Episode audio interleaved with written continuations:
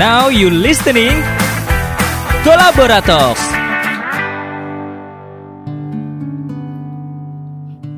Matilah engkau mati, kau akan lahir berkali-kali.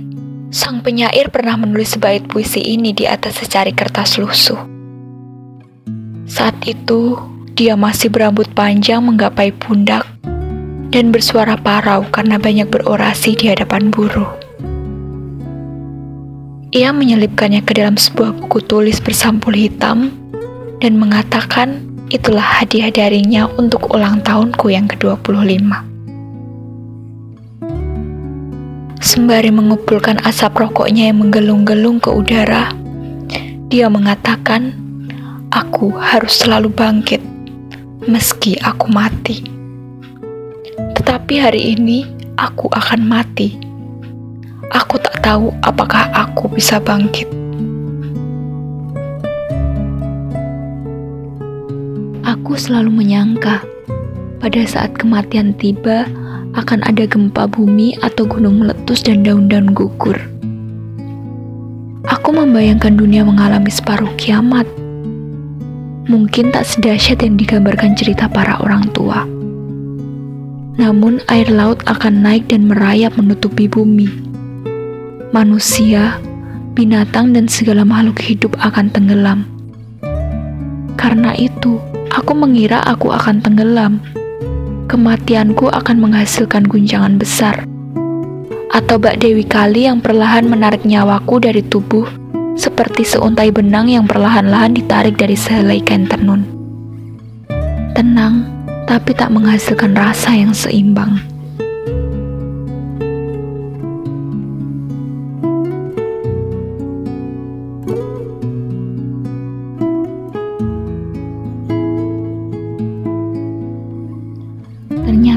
Itu hanya ilusi.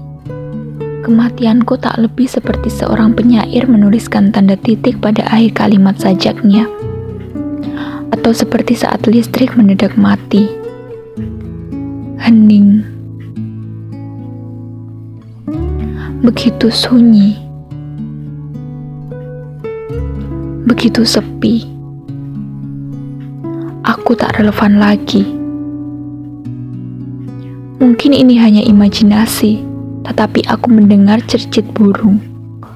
Mungkin mereka tengah merubung dan menggangsir permukaan laut. Sementara aku tenggelam ke dasar laut mengikuti sentakan besi yang memberati kaki. Burung-burung itu mencelupkan kepala ke dalam laut dan menjengukku. Mengucapkan selamat jalan, sembari mencoba menjaga agar aku bisa mencapai dasar laut dengan tenang. Begitu saja, berkat doa para burung, aku sudah berada di dasar laut. Dan begitu saja, ketika aku merasa dirubung oleh ratusan ikan dara, ikan sesan mayor, lantas kepalaku berdebam keras di atas salah satu koral otak. Mereka, rombongan ikan itu menciumku. Mungkin merasa belas kasih kepada mayat yang begitu sia-sia.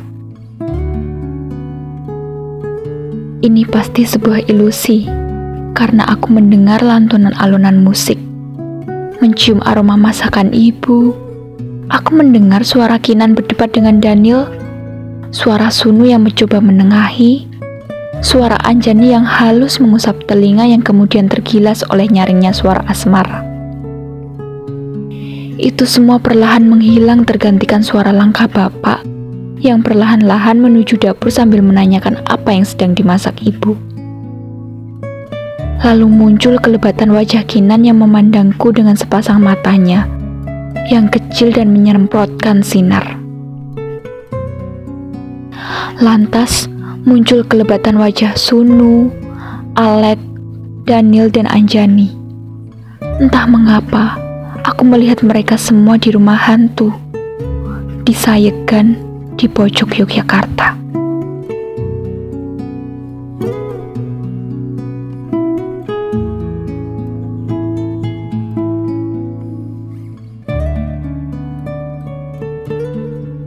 Semua berbaur, saling berkelebatan seperti sebuah pemutaran film hitam putih yang dipercepat. Aku merasakan arus bawah laut itu berputar-putar memelukku. begitu erat, begitu hangat, seolah aku adalah bagian dari laut ini.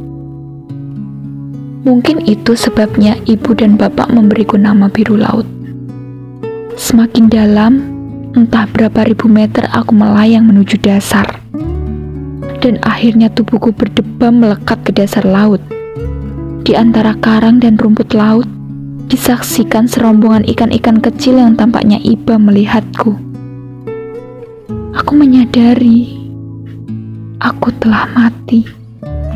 Tubuhku akan berada di dasar laut ini selama-lamanya, dan jiwaku telah melayang entah ke mana.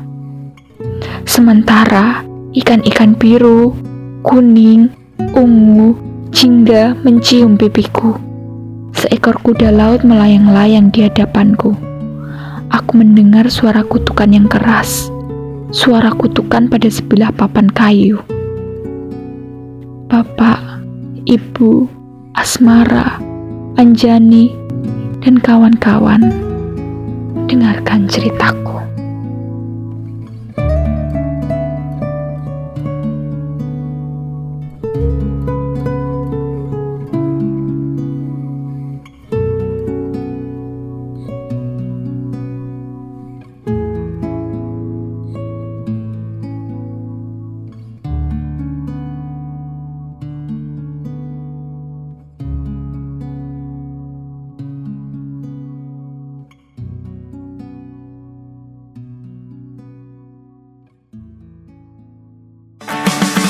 Thank you for listening.